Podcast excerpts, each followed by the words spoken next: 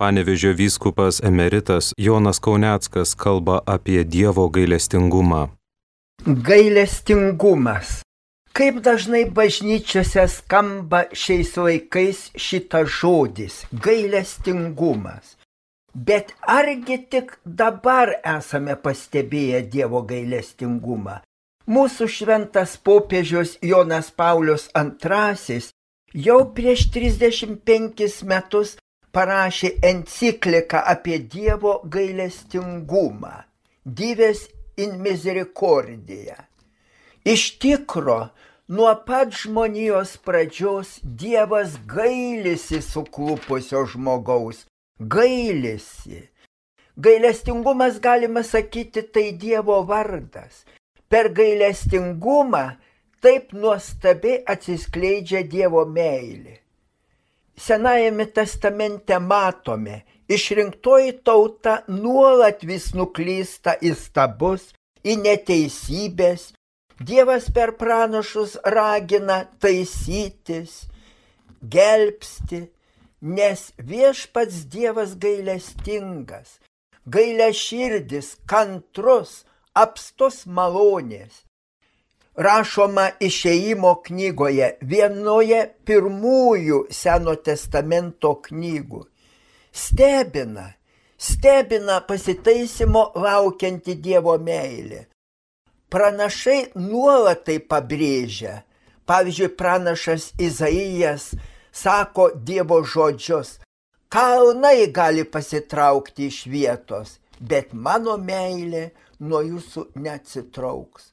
Todėl galime suprasti, kodėl nuodėmėse suklupęs Dovydas su tokiu pasitikėjimu stebisi tuo Dievo gailestingumu, tą Dievo meilę.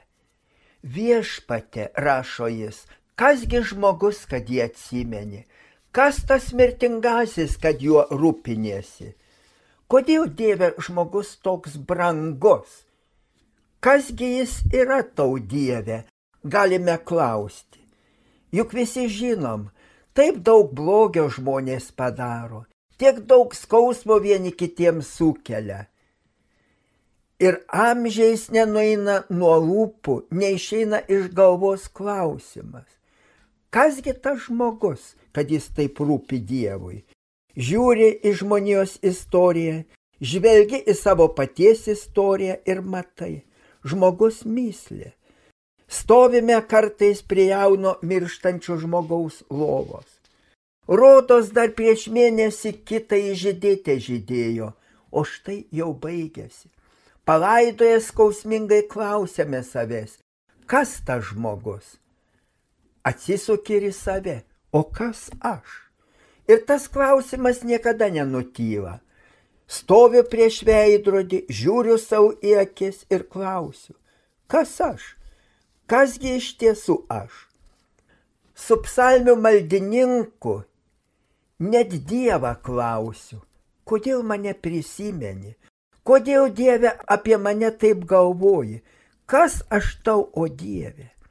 Savo amžinybėje nenustoji galvoti apie mane, begalinėse erdvėse vis žvelgi į mane.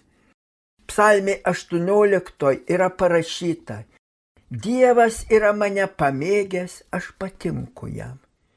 Ir kiek daug vietų šventajame rašte, kad Dievas mane myli.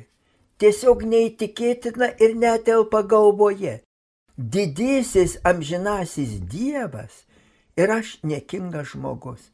Jis galvoja apie mane, mėgsta mane, myli mane. Kodėl? Kodėl, o Dieve? Vokiečių poetas, rašytojas, teologas Angelas Silezijus rašo, gyvenimo knygoje Dievas įrašė mane savo avinėlio krauju. Kaip jis gali manęs nemylėti? Tad melžiuos, Dieve, mano Dieve, duok man jėgų, kad ir aš į kiekvieną žmogų žiūrėčiau kaip tu, kad žiūrėčiau tavo akimis, kad mėgčiau ir mylėčiau, nes tu gailestingas kiekvienam, net suklydusiam, net ne visai gerai pasielgusiam. Ir prisimenu senuose pasakojimuose pas mūsų tikėjimo protėvi Abromą atėjo pakeleivis. Abromas priminė, nežino pakeleivis į namus, Dievas į namus. Bet tas pakeleivis, kiek pabuvęs, ima priekaištauti. Ir maistas prastas, ir guolis prastas, tai tas, tai anas negerai.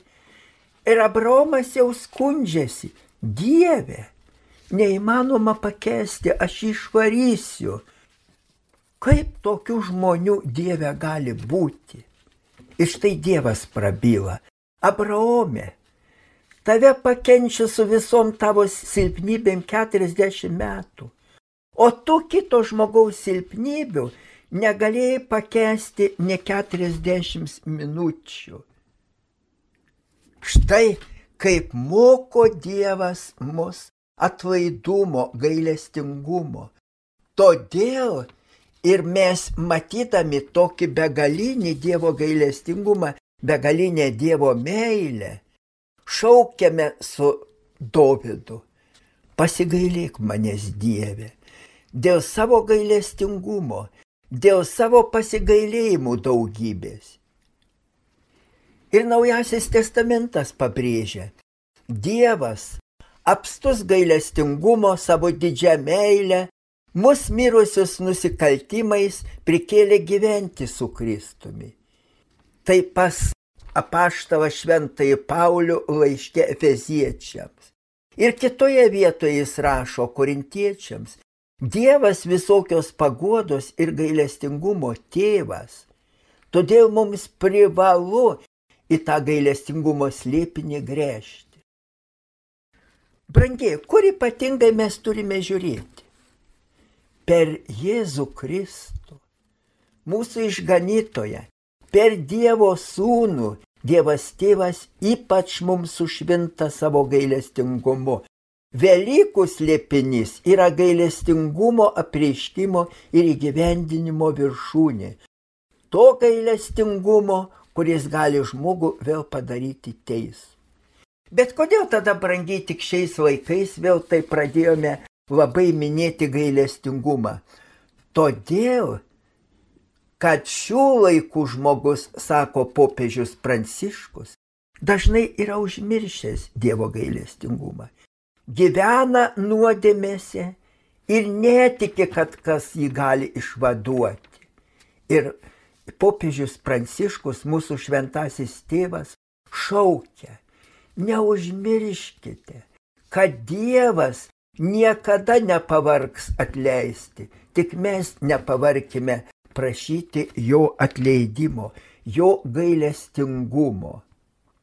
Viešpats Jėzus Kristus ne kartą nurodė Vilniuje apsireiškę seseliai Faustinai, kuri yra paskelbta šventąją, ypatingai tikėti jo gailestingumu ir ypač jo mirties valandą, kurią jis pavadino didelio gailestingumo valanda visam pasauliui.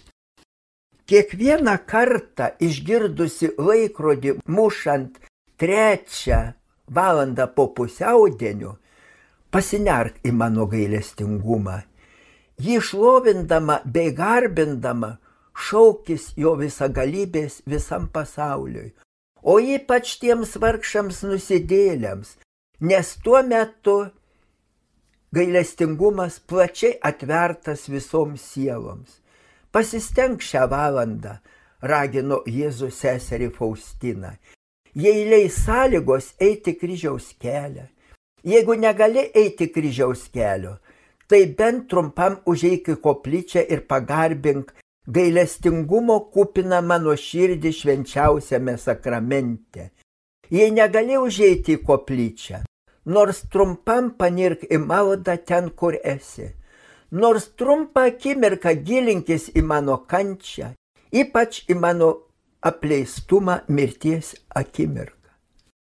Šią valandą pažadėjo Jėzus Kristus.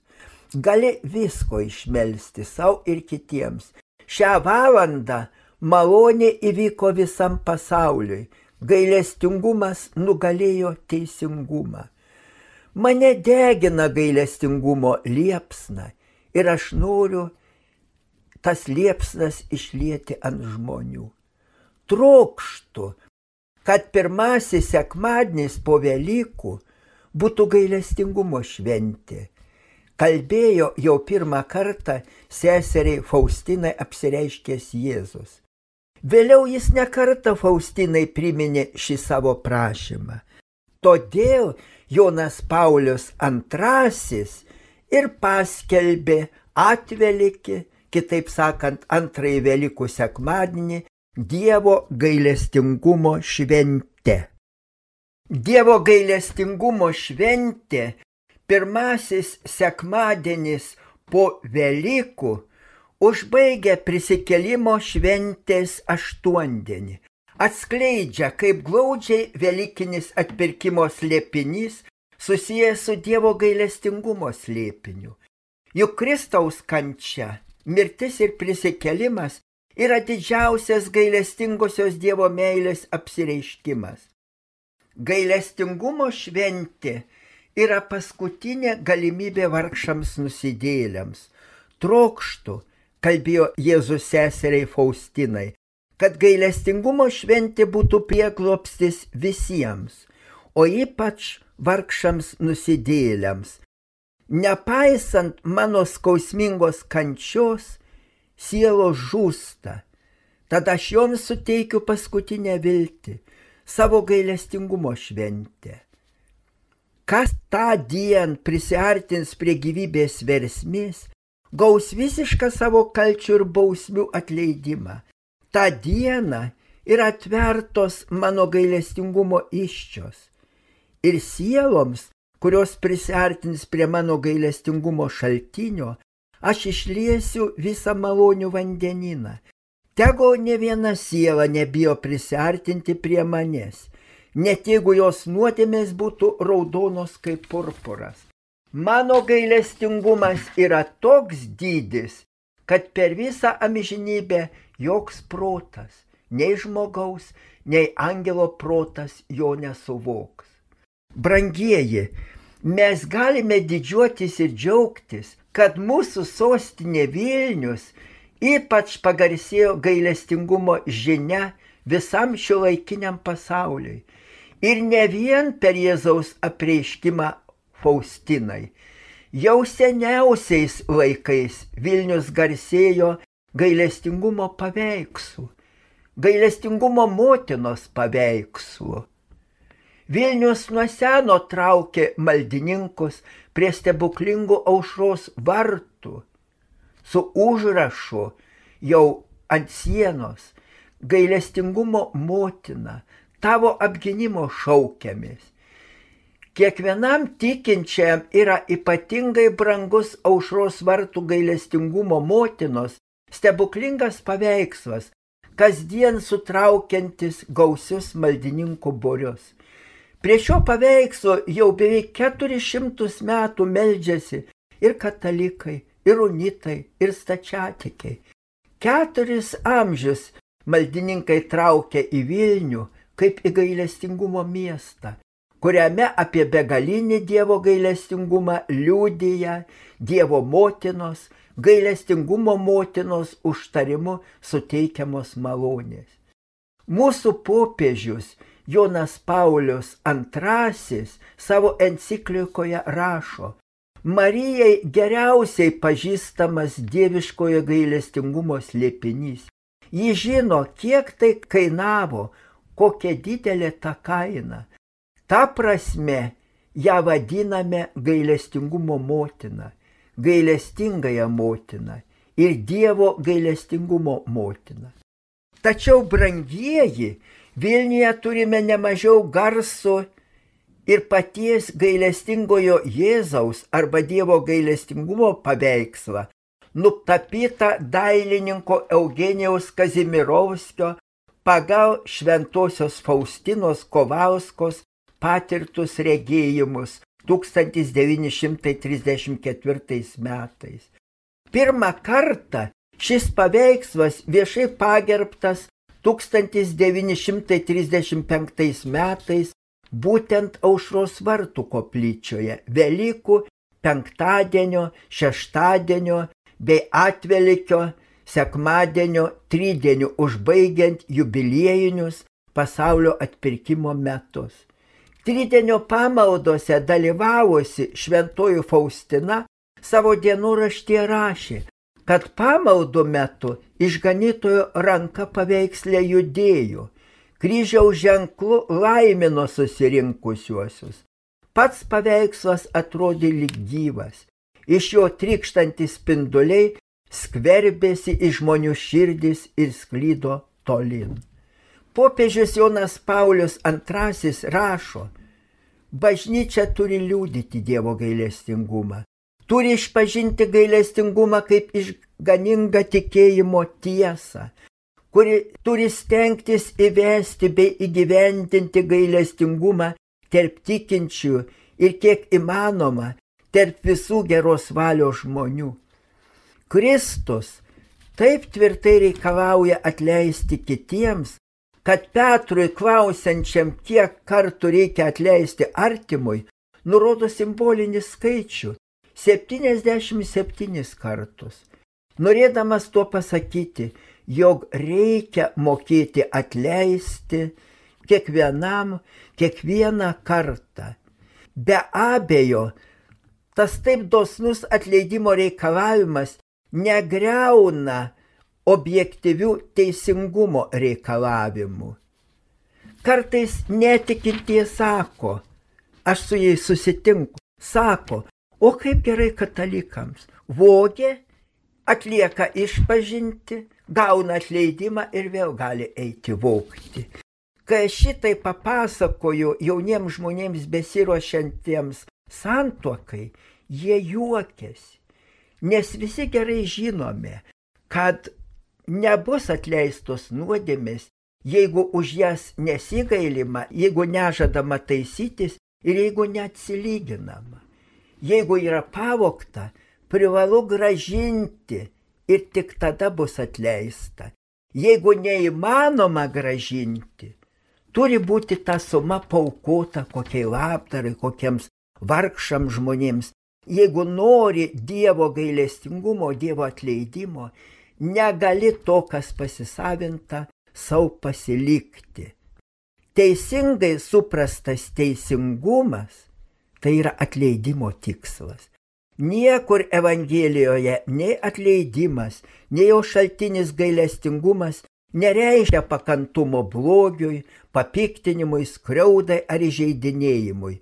Visuomet blogio bei papiktinimo atitaisimas, skriaudos atlyginimas įžeidimo atšaukimas yra atleidimo sąlyga.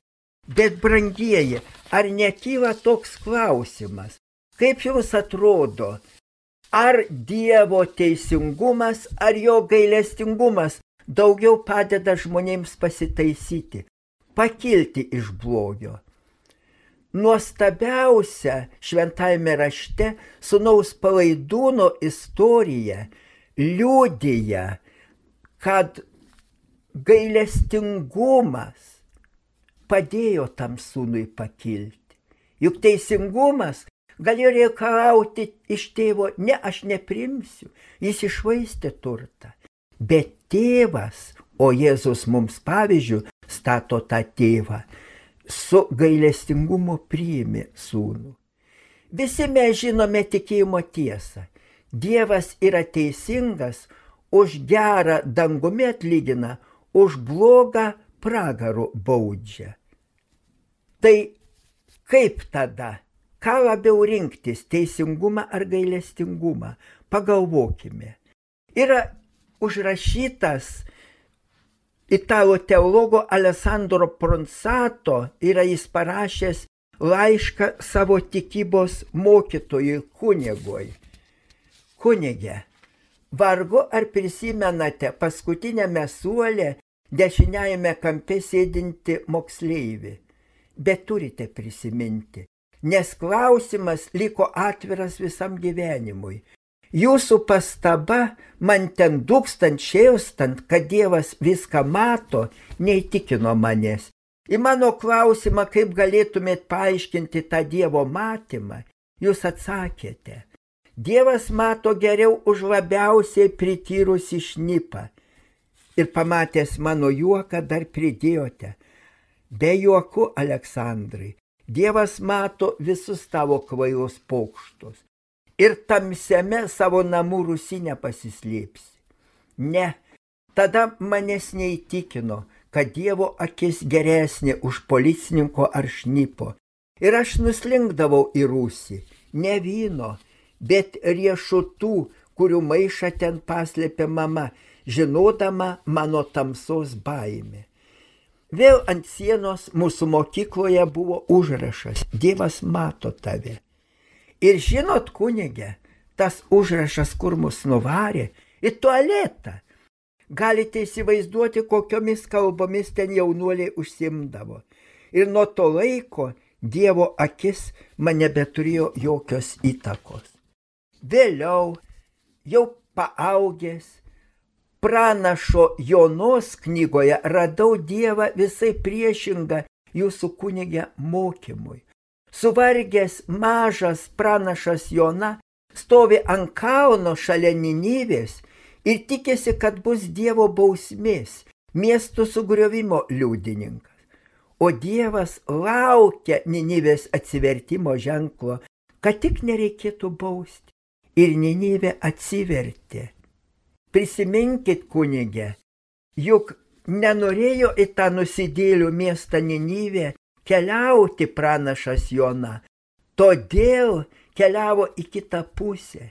Bet Dievas net per žuvies prarijimą jį nugabeno į Ninivę.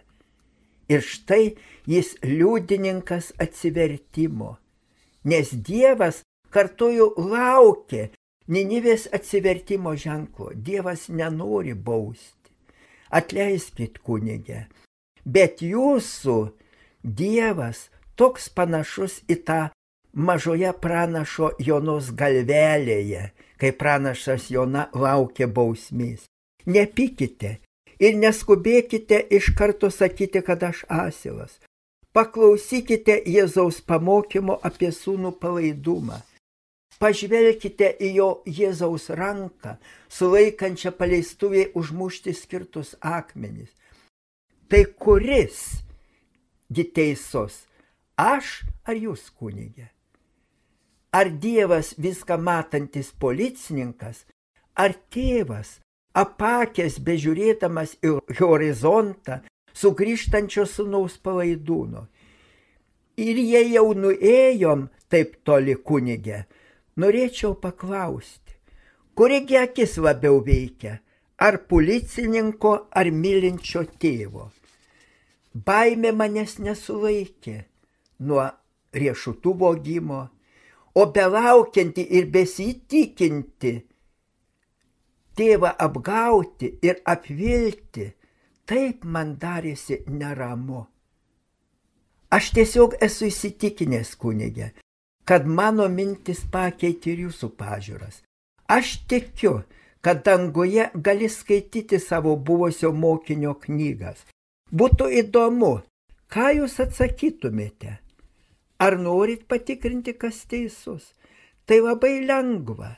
Te reikia jums tik nueiti pas dangaus viešpati, matote, įžiūri į tolumą ir laukia jūsų buvusio išdykelio mokinio, nekartą sugriovusio tikybos pamokas, sėdinti klasėje ten kampė dešinėje, laukia Dievas manęs, nesistebėkit kunigė, Dievas vis tikisi ir laukia, nors mano kišenėse vis daugėja tų pavoktų riešutų.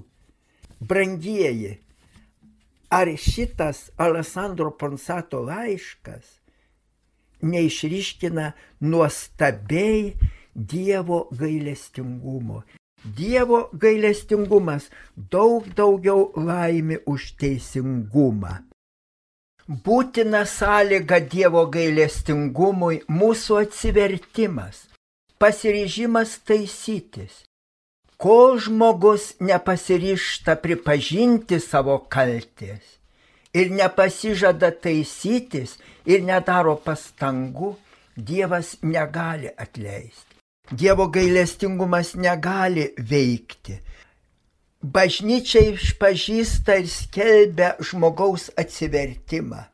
Atsivertimas į Dievą visada remiasi tuo, kad žmogus įsitikina Dievo gailestingumu ir meilę, kuri yra kantri ir maloninga ir laukianti, kaip sako šventasis Paulius pirmajam laiške korintiečiams.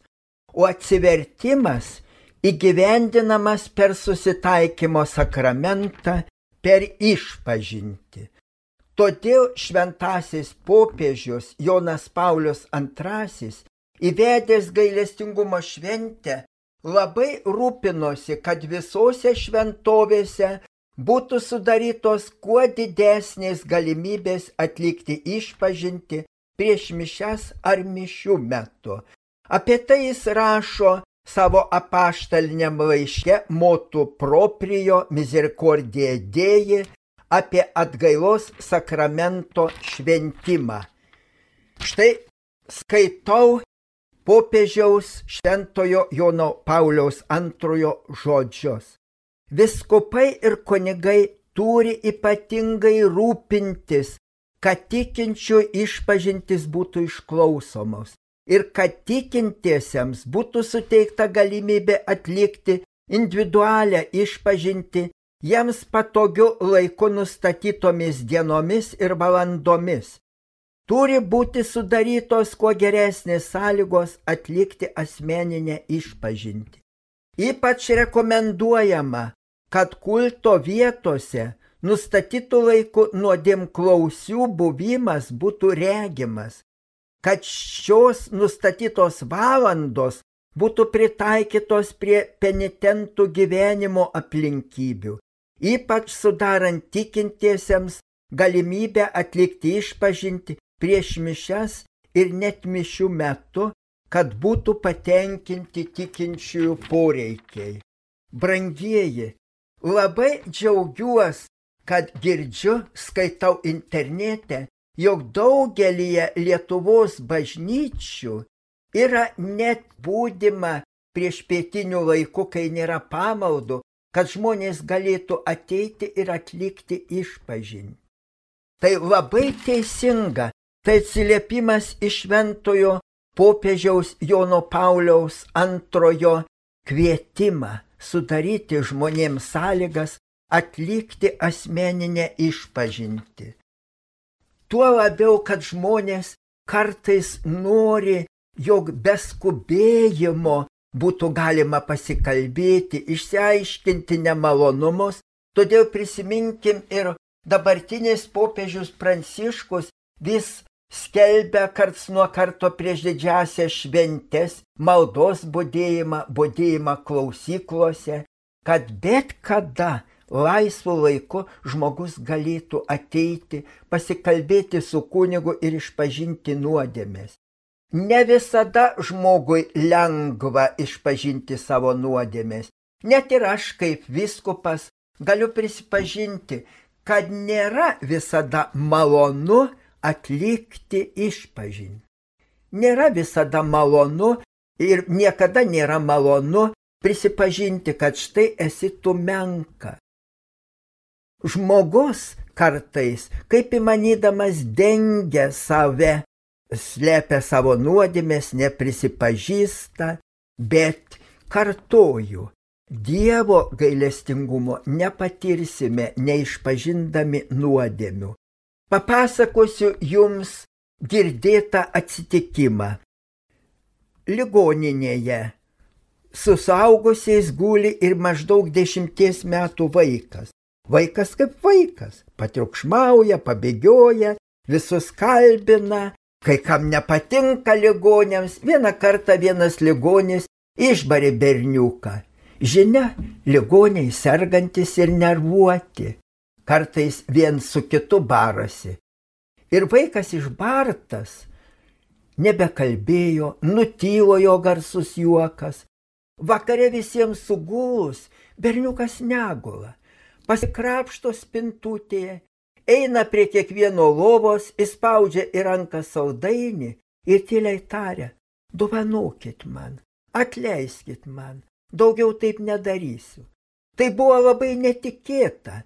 Suaugusiai pasijuto nejaukiai, nesmagiai, pasijuto tiesiog kalti prieš vaiką, kalti, kad erzino jį, juokėsi iš jo, kad nesuprato jo. Jis prašydavo žaisti šaškėmis, atsisakydavome. Ir kas atsitiko kitą dieną? Atėjo į ligoninę kunigas. Ir vaikas taip pat puolė prie to kunigo išpažinties. Po to ir kiti palatos ligoniai atliko išpažinti, nors anksčiau atsisakydavo. Ir nuo to laiko palata pasikeitė. Visi tapome ramesni, atlaidesni, bet svarbiausia, rodos visi darėme sveikesni. Tai, brangieji, ši patirtis teisinga. Gydydama savo dvasę, žmogus darosi ir kūnų sveikesnį. Todėl prisiminkime, Ir kai Jėzų prašė išgydyti paralyžiuotąjį, kai nuleido per stogą, ką Jėzus padarė? Pirmučiausia pasakė, tavo nuodėmės tau atleistos ir tik po to išgydė. Jėzus sugretindamas nuodėmę ir lygą, dvasios nesveikatą ir kūno nesveikatą, būtent pabrėžia, kad nuo dvasios sveikatos daug priklauso kūno sveikata. Tuo ligoninės atveju galima sakyti mažas dalykėlis paskatino išpažinčiai nuodėmių atleidimo ir kitus. O kaip dažnai žmonės sako, kam ta išpažintis? Smulkmenos mano gyvenime. Tarp kitko, smulkmenos dažnai priveda prie didesnių dalykų. Smulkmenas sunkiausiai atitaisyti. Gal esate girdėję Levo Tolstojaus pasakojimą? Pas seną vienuolį atėjo dvi moteris. Viena vadina save baise nusidėlę, jaunystė apgavo vyrą ir nenustoja greušti sąžinį. Ir jai atrodo atleidimas neįmanomas. Antroji sako, visada gyvenau pagal Dievo valią ir mano gyvenime pasitaikė tik smulkmeno. Man nereikia atleidimo, aš tik draugę atleidėjau. Ir štai ką senasis vienuolis uždavė toms moterims. Tai pirmajai, kuri sakė turinti labai didelės nuodėmė. Tu Dievo tarnaitė, paieškok akmens, kuri tik panešti gali ir atnešk čia, o po to atlik išpažinti o kitai sako, o tu prisirink mažų akmenėlių į maišą, kiek tik gali panešti. Ir po to irgi atlik išpažinti, aš užduosiu atgailą. Ir kai jos atliko išpažinti, jis pasakė, padėkite tuos akmenis ten, iš kur esate paėmę. Be abejo, tą atnešusi didelį akmenį, prisiminė, kur jis buvo ir nunešė atgal.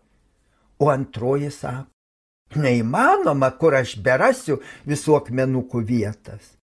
Tai senasis vienuolis ir tarė, taip yra ir su nuodėmė.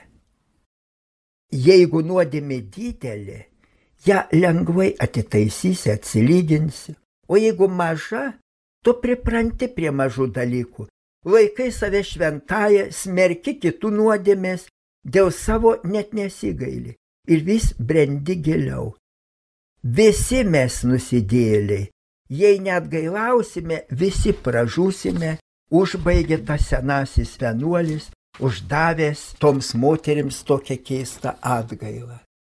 Ir brangieji, viešpats Jėzus Kristus trokšta, kad mes nuoširdžiai su gailėščiu atliktume išpažinti ir primtume švenčiausiai sakramentą, tuomet mūsų sielai bus išlietas visas gailestingumo vandeninas. Štai jisai sakė seseliai Faustinai, kai tu artiniesi prie šventosios išpažinties, manojo gailestingumo šaltinio, iš mano širdies ištriškęs kraujas ir vanduo išsilieja tavo sielą ir ją kilnina. Kiekvieną kartą, kai atlieki išpažinti, didžiai pasitikėdama Visiškai pasinerk į mano gailestingumą, kad aš galėčiau užlieti tavo sielą savo malonės pilnatvė. Pasakyk žmonėms, visiems žmonėms, kad iš šio gailestingumo šaltinio jie semtųsi tik su pasitikėjimu, tik su nuoširdumo indu. Jeigu jų pasitikėjimas bus dydis, mano dosnumui nebus ribų, nes mano malonės versmės užlieja nuolankesias sielas. Taip, brangieji, būtina pabrėžti, kad Dievas įvykdo savo gailestingumą ne tik laukdamas mūsų, bet sulaukęs mūsų prisipažinimo, pasiryžimo, tvirto pasiryžimo taisytis, suteikia mums savo atleidimą. Jo gailestingumas mumyse pradeda veikti. Pats Jėzus Kristus yra šventai Faustinai pasakęs, jokia siela nebus nuteisinta tol, kol pasitikėdama nesikreips į mano gailestingumą. Štai kodėl kunigai turi nuolat kalbėti žmonėms apie dydį ir neapsakomą mano gailestingumą. Taip, brangieji, mes kunigai turime kalbėti, kad Dievo gailestingumo galime sulaukti tik išpažindami kaltes atlikdami išpažinti ir taisydamiesi. Va šitai yra būtina sąlyga. Bet brangiai, koks nuostabus dalykas. Visagalis Dievas priklauso ir nuo mūsų. Kol mes nesirištame taisytis, Dievas negali mums atleisti. Negali, kol mes nepasižadame ir su jo malonė nesitaisome garsusis Lietuvoje kunigas Danyla, buvęs tarybiniais laikais jėzuito provinciolas, pasakoja, kad to teisingo supratimo ypatingai jį išmokęs vienas prieškarinės gimnazijos vaikinukas, gimnazistas, kuris buvo nepaprastai išdykęs, amžinai iškrės kokį pokštą. Ir štai pasakoja kunigas, kiekvienais metais gavėnioje arba advente ruoždavome gimnazistams rekolekti ir klausydavome iš pažinčių. O tas gimnazistukas išdikelis niekada per rekolekcijas netlikdavo iš pažinties. Kalbinau jį. Nu taigi, kodėl tu netlieki? Tai kad aš dar nesugalvojau, kaip aš pasitaisysiu. Ko verta bus mano išpažintis, jeigu aš žadėsiu taisytis, o nepasitaisysiu, o nenugalėsiu savęs. Ir štai sako kunigas, vieną kartą žiūriu, savo akimis netikiu. Atlieka jis išpažinti. Ir rodos pakeitė jį kas. Jis tapo visai kitų gimnazistų niekada niekam nebeiškrėtė jokio nemalonumo. Visada nuoširdžiausias geriausia. Ir aš galvojau, štai tikra išpažintis, štai tikras pasiryžimas, štai Dievo gailestingumo veikimas. Tada, kai aš priimu, kiek tik pajėgiu visomis savo jėgomis. Žinoma, brangieji, negalime sakyti, jeigu žmogus pažadėjo, imkim nesusipykti pažadėjo ir vėl susipyksta. Jeigu yra įpratęs, nesuvaldo pakankamai, ar tada išpažintis gera, ar Dievo gailestingumas veikia? Taip veikia. Tada vėl iš naujo turi tas žmogus ryštis, kai nusideda, vėl atlikti išpažinti. Ir nesvarbu, kiek kartų Juk ko gero jūs visi esate girdėję pasakojimą, kaip vienas kunigas tiesiog įsidėmėjo vieną einant iš pažinties. Vis tos pačios ir tos pačios nuodėmės. Jau gal šimtus kartų. Tai vieną kartą jis sako, ne, jau tikrai tau neužduosiu atgailos ir negalima teikti jokio išrišimo. Ir staiga pasigirdo balsas nuo altoriaus, kur kabėjo didelis kryžius. Aš tau žmogau atleidžiu. Ir visi nuostabai nuo kryžiaus atsilaisvino prikauto Jėzaus ranka ir palaimino šitą išpažįstantį nuodėmę žmogų, palaimino, ženklindamas, kad jo nuodėmės jam atleistos. Va, brangieji, atminkime tai. Ne joks kunigas netleidžia nuodėmių, Dievas. Kunigas tik yra įrankis, kunigas tik turi priminti, turi kalbėti, turi paaiškinti, kad nuodėmių atleidimą teikia Dievas, turi paaiškinti sąlygas ir jeigu matosi, kad žmogus nepakankamai išpažino nuodėmės, kunigas turi paklausinėti, turi priminti. Tai brangiai atminkime ir kitiems aiškinkime.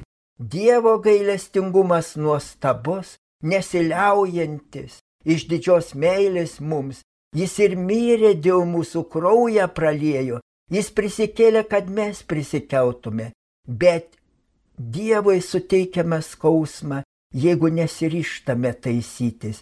Tada Dievas, jam nepaprastai skaudant, Jėzui Kristus skaudant, negali įvykdyti mums savo gailestingumo.